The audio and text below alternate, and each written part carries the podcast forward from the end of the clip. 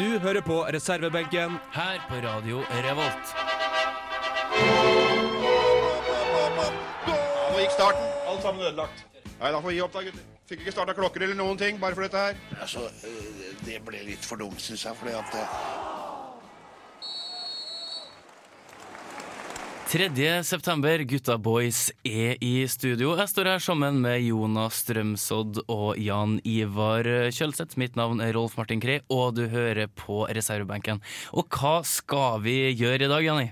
Nei, Vi skal ha faste spalter som vanlig. Vi skal ha topp tre, og vi skal sikkert ha en eh, sportslåt som kommer etter hvert. Og så skal vi også snakke litt om arven etter Ferguson etter hvert. Arven etter eh, Ferguson, legenden som ga seg med et eh, lag som kanskje har eh, gjort det de skulle på fotballbanen. Tom Nordli blir anklaga for å spille antifotball, og vi skal høre på favorittartisten til Didier Drogba. Er han like god til å spille som Drogba er på banen? Det tviler jeg sterkt på. Her skal du få en ordentlig player i reservebenken. Det er Shaggy med 'Work So Hard'.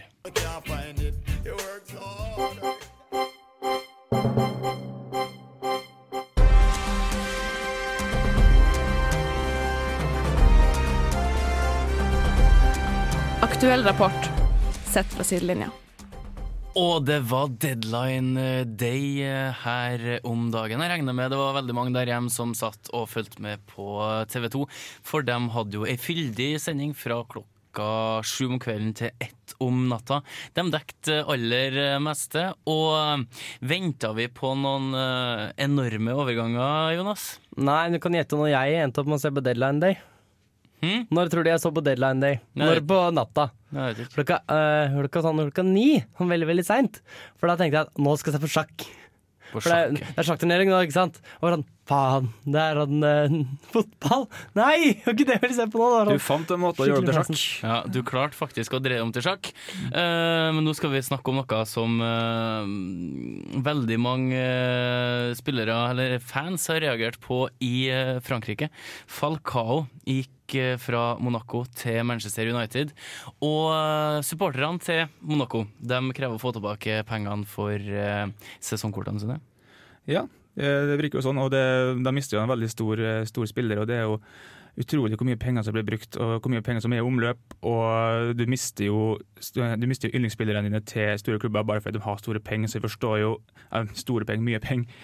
Og det forstår jo frustrasjonen veldig godt. Det er jo ikke bare Monaco som har hatt det problemet. Eller Monaco har også hatt et problem med sånn som Hames Rodriguez tidligere i år. Men sånn som Porto og andre klubber har også hatt et problem de har bare vært sånne store store rekrutteringsarenaer. De har fostra spillere, så har de solgt de til en lav, lav pris. Eh, Relativt sett så har de blitt dritgode, og blitt solgt til enda mer. Så det føles som at de er sånn Vi skulle holdt på de. Ja, litt også Bodø-Glimt er for Rosenborg. Oi, oi, oi, trå varsomt. Jo, altså, men eh, det blir, det blir jo nesten sånn at eh, klubber som ikke har de økonomiske midlene, de må jo gi slipp på spillerne sine. Og når det begynner å nærme seg deadline day, eller på deadline day òg, da eh, går jo spillerne for utrolige summer. Jeg snakka med en del folk, og de er misfornøyd med at Danny Welbeck gikk fra Manchester United til Arsenal. En spiller som har vært et stort talent i tre, fire, fem år. Han er vel kanskje det eneste skal vi kalle det et litt aldrende talent i Premier League sammen med Joe Cole, som er 31? Mm. Ja, det var, det var overraskende å se det at eh, United valgte å, å selge Welbeck, som har vært en liten sånn en uh, fyr de har oppfostra sjøl og har vært en liten publikumsfavoritt på, på stadion. Men det er klart, det, Manchester United har jo ikke en ubegrensa med funding, de heller. De har jo kjøpt både Falcao og Di Maria. Di, Maria var vel den dyreste Manchester-spilleren gjennom tidene. Dyrere enn da de kjøpte Men de har ikke kjøpt Falcao ennå, de har den på, på lån. Men Falcao, okay. Falcao er på lån. Men altså, en overgang som eh, vi snakka om tidligere, som overraska litt. Eh, Hate Ben Arfa gikk fra Newcastle eh, til Hull. Det er jo en kjensgjerning det at Ben Arfa måtte trene med juniorlaget eh, den siste tida. Han og Pardio har en eh, feide, og Ben Arfa vil faktisk ikke gå fra klubben. Eh, Derfor har han gått til Hull på lån. Og det kan jo være en eh, veldig klok signering eh, fra Steve Bruce i Hull. Ja, det tror jeg absolutt. Han kan absolutt eh, bidra med noe i Hull. Og han tok tok utnytta det at uh, Pardew kan være litt vanskelig å jobbe med. Mm. Eh, Det er ikke noe tvil om at eh, Pardew har eh, gjort det dårligere etter han fikk sin åtteårskontrakt for eh, to år siden. En manager som kjøper sine egne spillere opp i mente, det er Harry Redknapp i Queens Park Rangers. Han har kjøpt Niko Kranskar fra Dynamo Kiev. Igjen, jeg tror det her er tredje gangen han, han henter spilleren her til klubben han er. Og City slapp Alvaro Negredo til Valencia på lån. Eh, Negredo var det jo knytta store forventninger til da han kom eh, til Manchester, men eh, har ikke fått eh, spilletida han uh, han eh, mente at han skulle ha. Og så har Liverpool uh, forsterka med Mario Balotelli. Wow! Eh, ifølge eh, flere eh, statistikker så er han den spilleren som eh, gikk for eh, størst eh, mulig underpris. Han er per definisjon verdt rundt 30 millioner euro. Ikke spør meg hvordan de har regna ut det. Han gikk for 16. Da kan du se på kjøpet til Everton. De kjøpte en Lukaku for eh, 25. Eh, Lukaku eh, versus eh, Balotelli. Tja, Lukaku har gjort det veldig bra i Everton eh, på, på lån. Han har vært der siste tida. Og, men 25 millioner er usikker, altså. I hvert fall, jeg kan statuere at eh, 16, millioner, 16 millioner for Balotelli var en veldig bra deal. Så klart du har den risikoen at den kan finne på mye tull, men uansett så var det en veldig bra handel. Ja, man kan si at Mario Balotelli på litt, kanskje ikke helt på samme måte som Luis Suárez, er kanskje mm, litt, sånn, litt, eh, litt mye trykk på navnet. Altså eh, har med seg litt bagasje. Som en risiko som man må regne med. En helt annen type spiller. Han er jo ikke den målskåreren som uh, Suárez var. Uh, samtidig så forsvant uh, en tidligere Mercyside-helt ut av landet. Torres, Torres forsvant ut av landet til Italia. etter eh, Han kosta 50 millioner eh, pund da han ble kjøpt fra, fra Liverpool til Chelsea. 50 millioner, 60 kamper senere og 20 mål, så går han på et eh, to sesong, sesonger langt lån. Du kan jo kanskje ikke si at det der var et godt kjøp av Chelsea. Nei, altså Det er jo litt spesielt at man låner ut i to sesonger. Altså, skal man, Kan man ikke da selge spilleren? Det handler om at du skal, de skal vel spare en god del av lønnsutgiftene til, til mannen. Og uh, ser du på Liverpool-klubbene nå, så er det ganske spennende når Everton har fått tak i Eto. Har fått tak i Eto. Han var også koblet til Liverpool en liten stund.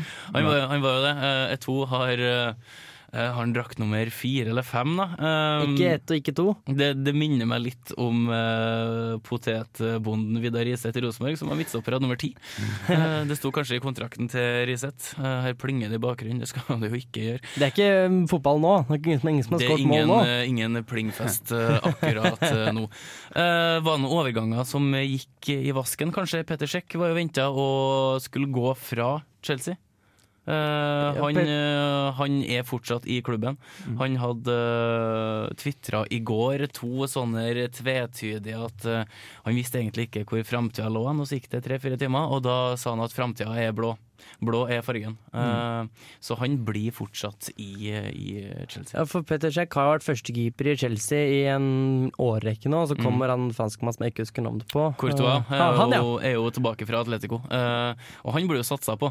ja, Eh, han er starter jo, han spiller jo i førsteelveren. Mm, det er jo ingen tvil om at de har en god backup, men eh, spørsmålet er jo eh, for Hvor mye får du komme inn for en førstekeeper, da? Det, det er nettopp det. Da, keeperen er ikke den som blir mest skada. Nei, altså Mourinho er jo, har jo og øh, gjerne en fast førstekeeper. Han roterer ikke på dem i øh, særlig stor grad. Deadline day. Um, vi kan vel si at det blir vel aldri så spennende som da Torres gikk fra Liverpool til Chelsea. Nei, det var, en, det var et hektisk døgn. Det var snakk om helikoptre går dit og eh, overalt, og hvem er på det flyet? Og det var bare masse styr, og det er jo utrolig moro å være med på. da. Og det var ingen, øh, ingen skandale rundt uh, Odemwingie i øh, øh, overgangsvinduet her. Han har jo tidligere kjørt øh, fra én klubb til en annen og stilt seg utafor portene for han skulle kjøre en overgang. Nå ble det ikke, rett og slett fordi at han har fått en skade, så han er ute i nesten hele sesongen. Ingen som vil ha en sånn spiller. Nå skal vi høre litt på noe ræl, kan vi kalle det, Jonas, fra Sør-Afrika. Ja, det kan, kan man si. Vi Eh, skal ha De Antwoord med Ninja her i reservebenken. Jeg heter Arne Skeie. Nå hører dere på reservebenken på Radio Revolt.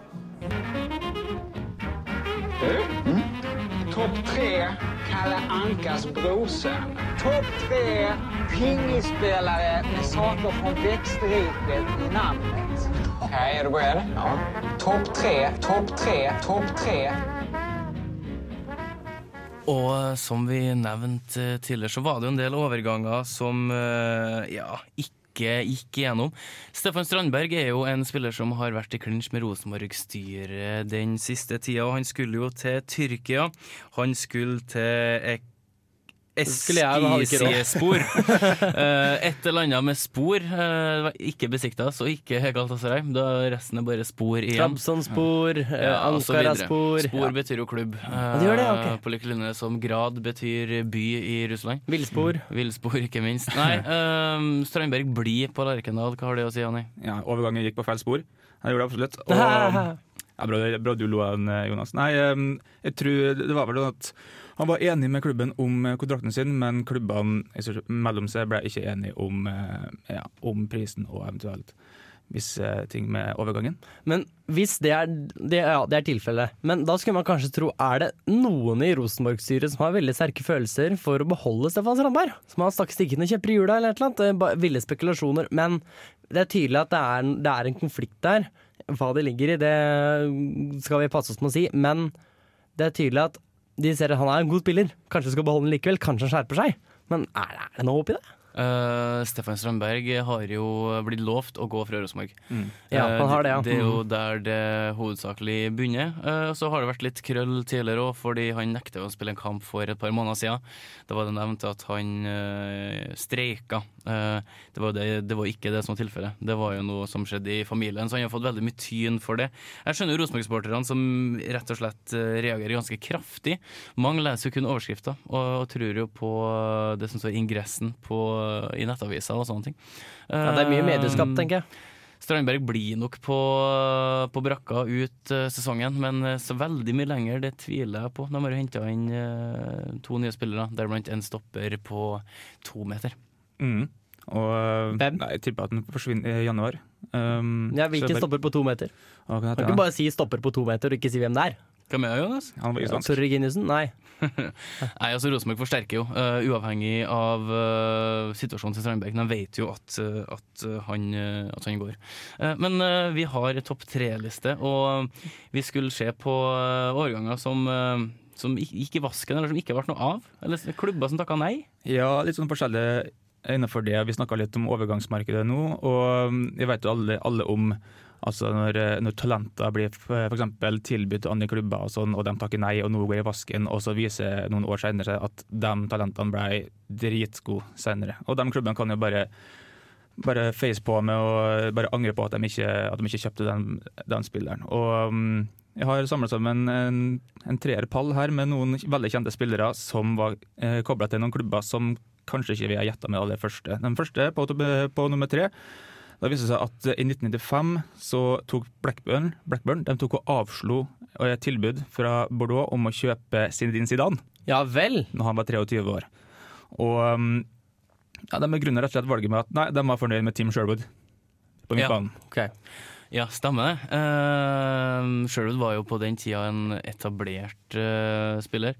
Blackburn uh, vant jo ligaen, eh, og der og da så virka det kanskje fornuftig. Uh, ser vi på det nå, så er det vel ingen klubb i verden som har kommet til å takke nei til Zidane. Nei, så det var en liten blunder for dem. Men det er lov å gjøre feil. altså De kan ikke gjøre noe annet enn å bare se fremover, og det gjør vi jo. Og på nummer to, da skal vi litt lenger tilbake til tid. Da skal vi tilbake til 70-tallet, i 1978. Da ble Diego Maradona han var 17 år på den tida, og han ble tilbudt en engelsk klubb for å, for å gå over dit. Og du vet hvem det er? Uh, Sheffield United. Stemmer. Ja, stemmer. Sheffield Wednesday. Nei, det var Sheffield United. Jonas. Unnskyld. Uh, jeg, jeg tenkte jeg skulle være flink. ja. Når vi sier en klubb, så sier du en annen klubb. Jeg tror det heter helt Sheffield Wednesday, og Sheffield Wednesday United. Det. Ja, Nei, det er to forskjellige klubber. Yes, Ah, okay. da er vi Sheffield Wednesday Da tar jeg min hatt og går. Nei. Mm. Nei, Grunnen til at den ikke gikk over, var at eh, United fikk ikke, altså Sheffield United de fikk ikke råd til utkjøpsklausulen som var på 200 000 pund. Nei. Og det er artig å tenke på, liksom, til forskjell fra nå i dag, da, da kan vi finne 200 000 pund mellom sofaputene til Pellegrini. Eh, ja. Jeg er sikker på. 200 000 pund av dopapir når du snakker om dagens kontrakter. Det var jo òg, bare for å nevne det, han ikke på lista, um, Ronaldinho. Uh, han var jo linka til Real Madrid.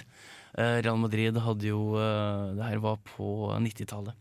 Real Madrid bytter jo eh, presidenter titt og ofte. De har jo gjenvalg og valg hele tida. Eh, da var det én president som sa det at Ronaldinho får ikke spille for oss. Han er for stygg. Altså tenna på tørk. Type. Uh, mm, Han ser jo ut som en hest jo, altså, før han fiksa tenna sine. Samtidig så kjøpte jo Real Madrid kjekkasen Jonathan Woodgate, da, uh, som fikk 14 kamper i løpet av tre år, rødkort i sin første kamp og var skada i halve tida han var der. Uh, men han var kjekk. Ja. om, om det hjelper? Um, ja, jeg vet ikke. Kan tenke deg eh, Real Madrid som er så stor klubb, og da, hvis det var mye jenter som var glad i fotball på den tida, så er sikkert ikke, ikke mange som ville kjøpe fotballkortet til Real Madrid eh, med Ronaldo på, for han var ikke så kjekk. Det er mange motiver der, Hans Martin. Altså, skje, Absolutt. altså skal se på den angrepsrekka der, da, eller se på paret som kunne vært der. Da, da har du eh, originale Ronaldo, eh, litt sånn tjukke Ronaldo, som eh, var utrolig god. Og så har du Ronaldinho. Så Det, det, selger ikke så mange hvis du selger postere på det her, altså. Det gjør ikke det. Da har du hele Woodgate og Beckham. Ja. De- det, det de- jeg litt altså, bedre. De er, er jo hakket kjekkere, for å si det sånn. Um, Ja, Beckham med den sveisen han hadde til tider i Real Madrid, det er jeg ikke helt sikker på, altså. Beckham er kjekk Han uansett. hadde hvitt hår. Ja, pent. Ja, mm, okay. Alt Greit, Beckham har på seg, er pent. Deg om Ja, ferdig. Ferdig. -hmm. Og så på nummer én, vinneren for i dag, da har vi spilleren som vi alle kjenner godt til, Zlatan Ibrahimovic. Han var 16 år på den tida her, og han eh, på eh, juniorlaget til Sverige, og han ble faktisk, før han dro til alle store klubbene som Ajax, Juventus og Milan senere, han ble tilbudt til QPR. Queens Park Rangers. Ja. Og han, Um, han var på prøvespilling, eh, ja. på prøvetrening hos QPR før de skulle spille en Champions League-kamp mot eh, Chelsea, faktisk. Og du vet jo hvordan Zlatan er. Han, Premier League-kamp. eh, Premier League-kamp, sa Champions League. Du sa Champions League, Ja, men vi det tilgir deg. Beklager. Det, Det- det, tar jeg på min kappe. Min Det lange, lange kappe. skal huskes. Ja. Altså, i, stik, I den uh, seansen her så tar jeg min hatt og, uh, og går, og, og Jani tar ting på sin kappe. Ja. Nå må vi skjerpe oss. Heldigvis har han en veldig lang kappe. Så det Ja, veldig ja. fint. ikke god, sant? god kappe. Men dem takka nei. Um, ja, han var på prøvespilling der i en uke, og vi vet jo hvordan Zlatan er. Han er jo en liten et, ja, Han gjør et understatement, en litt ego. Og det er ikke plass, det er ikke plass til han i, eh, i QPR, for at eh, han ble takla av treneren. Og han eh, endte med å kalle treneren for et jævla rasshøl, og takla han tilbake igjen. Og um, treneren sa deretter for det der så skal du puste ut av ræva di neste gang jeg kommer borte. Og det ble sånne gnisninger. Og ikke, det er ikke så veldig overraskende, han ble ikke bedt om å komme tilbake til Loftus Road. Altså, um, du takker nei til Zlatan. Jeg takker nei til Zlatan. Han var ganske ung på det Likevel, du kan jo ikke takke nei til Zlatan. Eller Zlatan kan ikke takke ned til Zlatan, som man kanskje skal si. Uh. Altså, han er jo I samtlige klubber han har vært i, så har han jo vært uh, større enn klubben sjøl. så det er jo ikke noe Det er jo en kjensgjerning eh, at han er vanskelig å ha med å gjøre. Men får du den på glid, er det en spiller du har med deg, ikke mot deg, så det er helt, eh, helt fantastisk. Helt fantastisk. diskuteres om han er blant verdens fem-seks beste fotballspillere. Så, uh, er målskårer skal du lete lenge etter hvis du takker nei til han. Da skal du måtte be om Suárez eller et eller annet. Hvis du skal, nå, nå skal du takke nei til Zlatan. diskutert, han er på topp fem. Ja, da må han være! Ja, han er det. Uh, topp tre. God uh, topp uh, tre-liste. Det er vel en god del klubber som sitter her og angrer den dag i dag. Uh, jeg ville ikke ha vært den som takka nei til Det er noen av dem her, egentlig. Nei, men jeg tenker hovedsakelig på den eh, lille argentiner. Ja, på Maradona, ja. Få se Eh, på Sheffield United nå. det, er, ikke- det, er ikke, det er ikke mye til klubb. Men man kan også spekulere om hadde Maradona blitt like god hvis han hadde gått over til Sheffield, nei, Sheffield United. Beklager, Janne, at jeg tror jeg Du har fått det printa inn i hodet mitt. Ja, Helvete, altså. beklager. Men vi skal, om vi skal ta eierne litt til forsvar, da. De må jo tenke litt mer short term enn vi gjør når vi tenker tilbake på hva som skjedde for eh, 40 år siden. Mm. Og vi veit jo nå hvor fort det går før du som general manager får sparken pga. dårlig overgang. Så det er veldig lett å være klok av skade. Men jeg vil tippe at QPR føler seg dummere enn eh, Sheffield United, fordi de fikk rett og slett ikke råd til spilleren, som er en Ja. ærlig sak. Men når du bare kaster ut en spiller fordi han var litt frekk mot meg, så da, da kan du bare sitte og angre på etterpå når han er en av de beste spillerne i verden. Det er helt riktig. Vinnerinstinkt skal trenerne bestandig lete etter. Får du et ego som er større enn klubben, så er det faktisk ikke så veldig rart at de takker nei. Synd, men sant. Vi truller videre her i reservebenken. Her får du Rory med Superfly. Du hører på reservebenken her på radio Revolt. We like sports and we don't care who knows. From shooting hoops to the Super Bowl. We like sports and we don't care who knows. Football, football, football tennis, hockey, Radio Revolt. Arven etter eh, Ferguson, den eh, er enormt eh, stor. Han er jo Premier Leagues største manager. Han eh, fikk til ekstremt mye i klubben, både i Europa og i serien. Eh, mestvinnende sådan.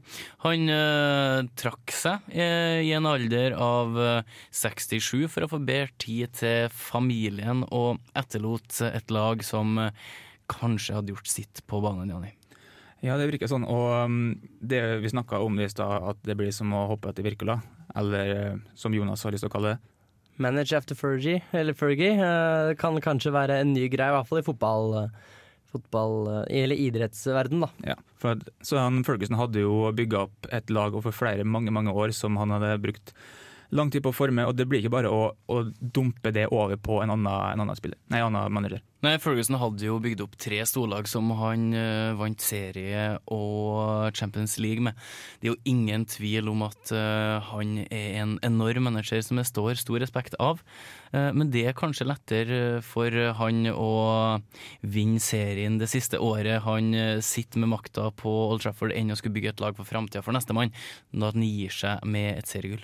Ja, altså, det er klart.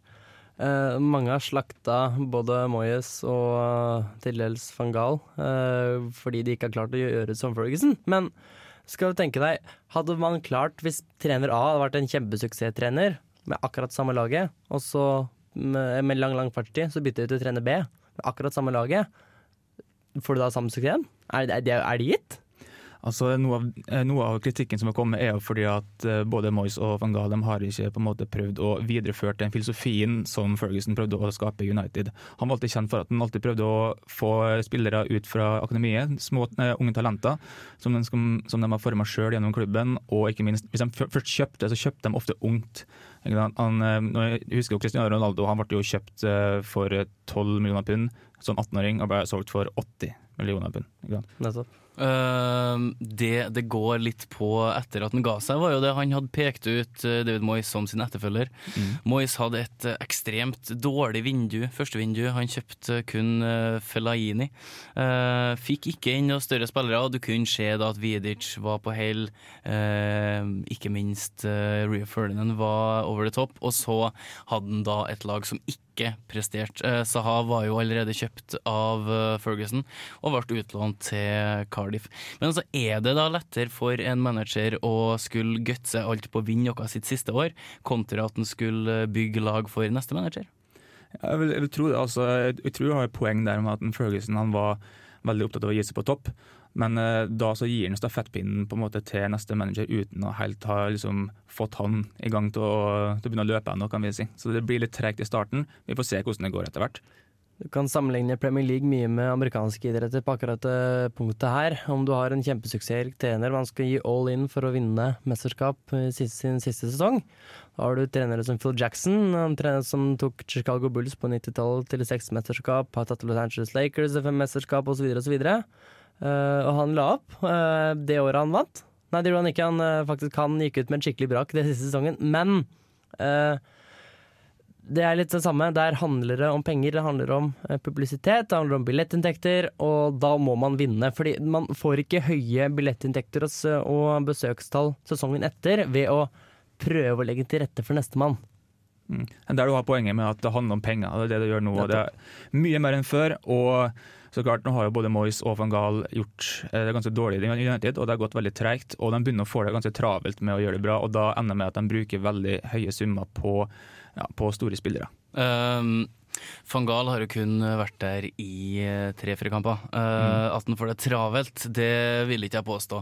Uh, for det er jo snakk om at han skal få den tida til å bygge det laget han vil ha. Han har jo ikke det presset på seg som Moyes hadde, fordi at han var uh, gjerne utpekt som etterfølger av Ferguson. Spørsmålet er vel kanskje hva må klubben gjøre nå for å komme tilbake i Champions League? Manchester United kan ikke være utafor de gjeve selskap altfor lenge, før at de uh, mister da muligheten til å kunne hente de beste spillerne. Uh, ser du på lånet av Falcao, så er jo det faktisk en ting som går med United. Han er jo en spiller som ikke kun tenker sesongen 2014-2015. Han tenker jo også videre for å skal få klubben tilbake i topp fire. Det interessante er jo det at det var veldig mange som tippa Manchester United på enten første eller andreplass før sesongen her, og det var jo før de gikk inn og kjøpte eller brukte store summer på spillere. Så de hadde visst uh, stor trua på van Gaal som trener, og det er jo ingen tvil om at han har gjort veldig mye bra. Han har en helt uh, annen ledestil enn Moyes, som faktisk uh, Van Gaal kan jo ligne litt på Ferguson. Ja, det er klart. Jeg var veldig for van Gaal, for så alle Man snakka veldig mye om det i VM, da han trente i Nederland. Og tenkte at det her kan bli fint om vi får se denne personen lede Manchester United. Og så gikk jo Louis van Gaal ut av VM med et brakk. Altså, han gjorde noen dårlige bytter, fikk gjort det sånn som han ville i siste straffekonken osv. Uh, Tror du han tar med seg den siste kampen videre i sine år i United? Det er klart Han kan ha fått mye pepper og tenkt mye over hva han gjorde feil siste kampen i Nederland. Det, og det, der sto det kanskje om hvorvidt Nederland hadde kommet seg finalen og tatt VM-gull. Og det er klart, det, det tenkte at han har nok tenkt en del på det. Uh, en trener som har vært med i uh, eh, 40 år i gamet, tror jeg ikke tenker på det, Jonas. Nei, Han har aldri vunnet VM i Nederland, da. så han stod, så ja, kanskje det var hans sjanse. Jeg tror ikke preger han uh, i stor grad i sin videre Det får vi aldri vite. for Det er kanskje noe vi kan skru tida tilbake og se hva som skjedde. Hadde Nederland vunnet VM, hadde det gått annerledes med Menu. Ja. Det hadde han en annen motivasjon. Det er to veldig forskjellige mesterskap, da. Og Ja, du, du, måtte, du, bruke landsmenn for å vinne en, en cupturnering og vinne Premier League med, med, midler til å kjøpe nye spillere som du har lyst til å ha til klubben din. Jeg tror du er litt på feil jorde.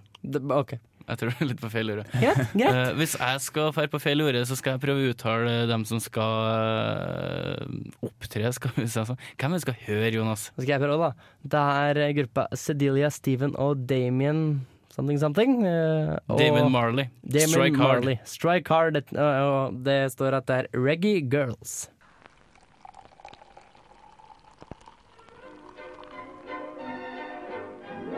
Øl hører til.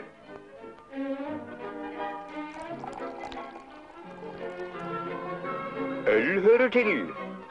Øl er godt. Den naturlige forfriskning. Der fikk du Black Debut, nei til runkestid på Ekeberg her i reservebenken.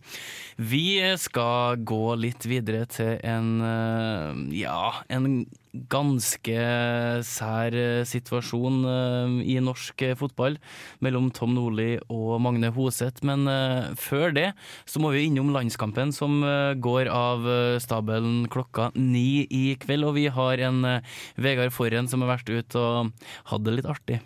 Ja, Han tenkte han skulle være litt spøkefull i media. og si, Han fikk spørsmål om hva han syntes om formen på de engelske spillerne, og han sa vel, han Rooney han er jo litt tjukk. Ja, og det, oi, har, oi, oi. det har blitt blåst opp uh, til de grader i engelske media. Uh, eh, VG-Svea sa jo her i går at uh, du kan ikke prøve å være artig i pressa. Da blir det bare blåst opp, og det har det blitt til de grader. Ja, veldig det og det har, som du sier, det har liksom blitt blåst opp, spesielt i England. De har Google Translate, tydeligvis, så de vet hva, hva, hva forhånd sa. Og det er litt artig med gnisninger før en landskamp uh, som det her uansett. Og jeg vet ikke, Har Rooney kommet med noe, eh, noe reaksjon? Nei, uh, Rooney har ikke kommet med noe, men jeg håper jo det kan bli en reaksjon fra tribunen. da. Um, F.eks. når foran har ballen, kanskje de roper 'fett, fett, fett', eller et eller annet sånt tilbake til han. Eller kanskje få se Rooney med den svære tyrenakken sin kommer og takler foran med den lille, lille squirmishe lille kroppen sin som pærer og vagler på banen. Har du lagt eh, foran for hat? Nei, egentlig ikke, men uh, han sier jo liksom at Rooney er, er tjukk. Jeg syns jo han er sånn veldig fit sjøl, da. Mm, altså, han er jo kanskje ikke den um, den spilleren uh, NFF ville ha sendt på en sånn her uh, badefotoshoot uh, mm. før sesongen, på like linje som kanskje Nye landslagskaptein Per Silan Skjelbred og Markus Henriksen og sånne ting. For en, en, eh, en 70-tallskroppsspiller. Han er en plugg. En liten blekkfis. Ja, han er en plugg. Uh, fryktelig god. Han er veldig god, da. Det skal han ha. Um, uh, fra en plugg til en annen plugg. Tom Nordli han plugger seg videre. Han plugger alltid. Fin plugg. Uansett, ja, men det har vært litt gnisninger mellom han og Magne Hoseth, nevnte du innledningsvis. For det var mellom kampen mellom Stabæk og Sandnes Ulf som var for et par, dager- par dager siden. Og Sandnes Ulf Sandnes Ulf, eh, Sandnes Ulf Du, Sandnes Ulf ta, pust. Sandnes, Sandnes Ulf. Ulf. Sånn. Sand- Hender ned langs sida, og så puster du med magen. Sandnes Ulf. Ja. De skåra først. Mm. Og det endte med at de la seg veldig bakpå og begynte å drøye tid. Mm. Og det kommer alltid opp i det spørsmålet er det greit at de gjør det.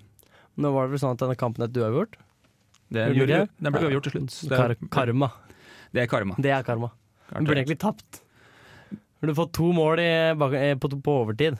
Det har vært eh, rettferdig. Uh, Magne Hoseth han er jo frampå uh, titt og ofte. Han er jo glad i å terge. Uh, det har han jo vært uh, mot Rosenborg i flere år, og han bruker jo media ganske, ganske bra, syns jeg. Han har en liten brodd, han har humor i det. Det er jo ikke noe direkte hat, det er jo mer erting og mobbing. Og nå sa han jo det at eh, Tom Nordli sto for antifotball. Uh, sånne lag fortjente å tape, uh, og Tom Nordli han prøver å få uh, ethvert poeng han kan med Sandnes Ulf for å kunne berge plassen.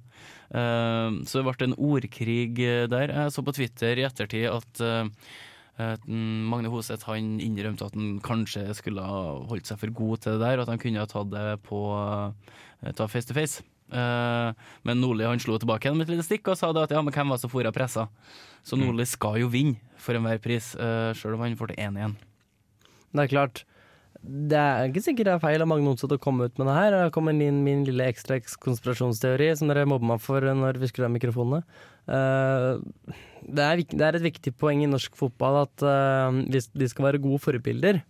Det er ikke å være et godt forbilde å lære eh, yngre spillere, altså breddefotballen, og at det er greit å holde på ballen, holde på ballen, og ikke bevege deg over midtbanen hvis du leder, fordi du skal vinne til enhver pris. Det, det er ikke sånn man vil spille fotball. Nei, men er du et eh, dårlig fotballag uh, rent ferdighetsmessig, så må du spille på det du er god på. Eh, noen kritiserte jo òg landslaget under Drillo for å spille antifotball. Eh, Flopasninga. Bjørneby opp til Flo.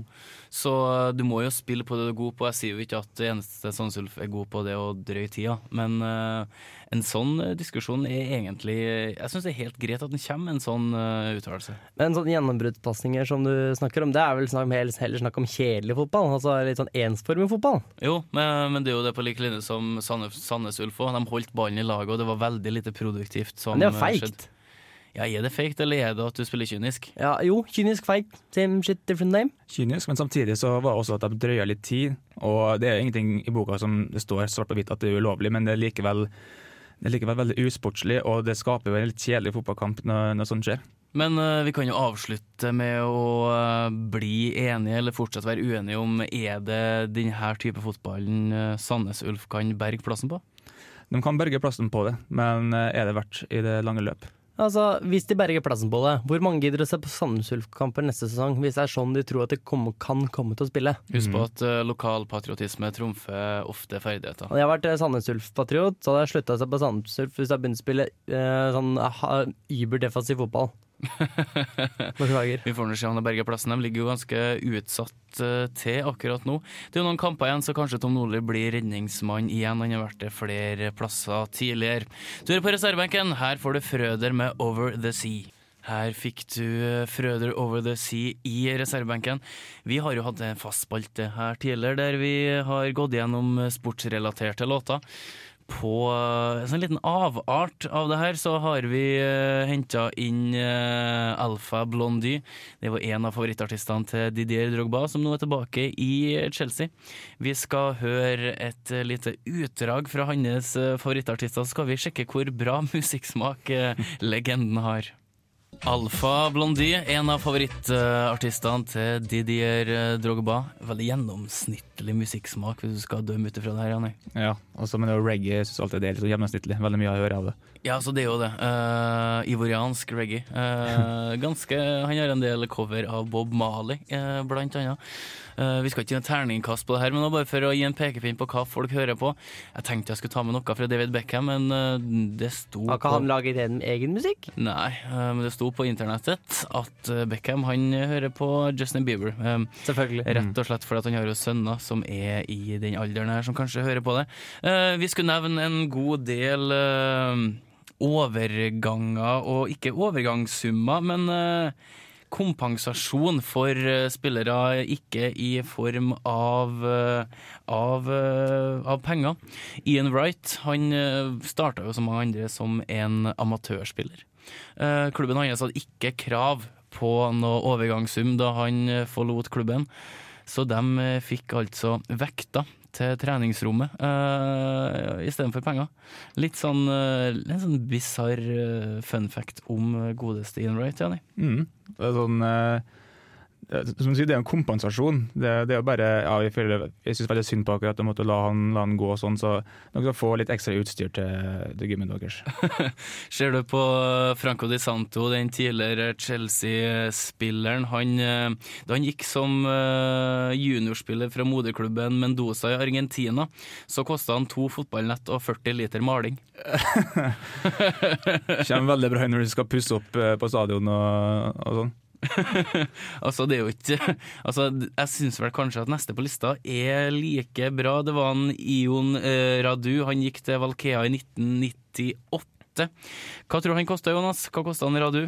Uh, vi snakker jo om spillet sånn rent resonnertmessig, at uh, dette spillet som ikke gikk for så mye. Nei, Ja. par, par hundre tusen pund, da, kanskje? Uh, Radu han kosta to tonn biff og svinekjøtt. Eh, Ja. Det var rett og slett for klubben som han var i. De skulle ha det her for å selge, så de kunne betale lønn til sine egne spillere.